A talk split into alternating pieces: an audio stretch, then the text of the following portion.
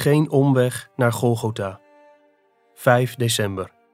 Avondoverdenking. En het geschiedde toen zij daar waren, dat de dagen vervuld werden dat zij baren zou. En zij baarde haar eerstgeboren zoon, wikkelde hem in doeken en legde hem in de kribbe, omdat er voor hen geen plaats was in de herberg. Lucas 2, vers 6 en 7.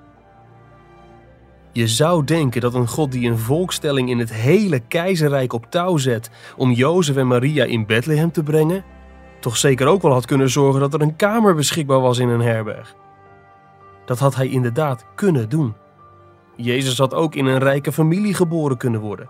Hij had stenen in brood kunnen veranderen in de woestijn. Hij had 10.000 engelen om hulp kunnen vragen in Gethsemane.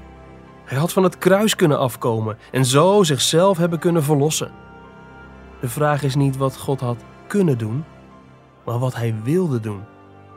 Het was Gods wil dat Jezus omwille van jou arm werd, hoewel hij rijk was. 2 Korinthe 8 vers 9. Dat er bij alle deuren van de motels in Bethlehem borden hingen met geen kamers beschikbaar erop, was met het oog op jou. God regeert alle dingen. Zelfs de beschikbare ruimte in een hotel en bij Airbnb, met het oog op zijn kinderen. De weg naar Golgotha begint met geen kamers beschikbaar in Bethlehem en het eindigt met bespuugd en bespot worden aan het kruis even buiten Jeruzalem. We moeten niet vergeten dat Jezus zei: Als iemand achter mij wil komen, moet hij zichzelf verloochenen, zijn kruis dagelijks opnemen en mij volgen. Lucas 9, vers 23. We volgen hem op de weg naar Golgotha en we horen hem zeggen: Herinner u het woord dat ik u gezegd heb?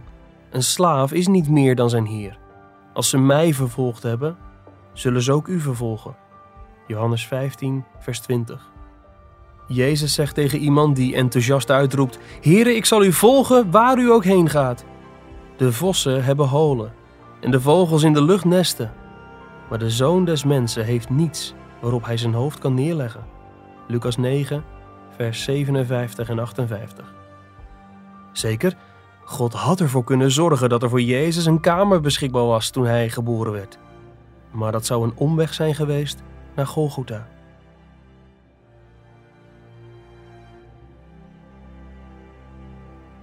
Je luisterde naar een overdenking uit het boek Onwankelbare Vreugde van John Piper.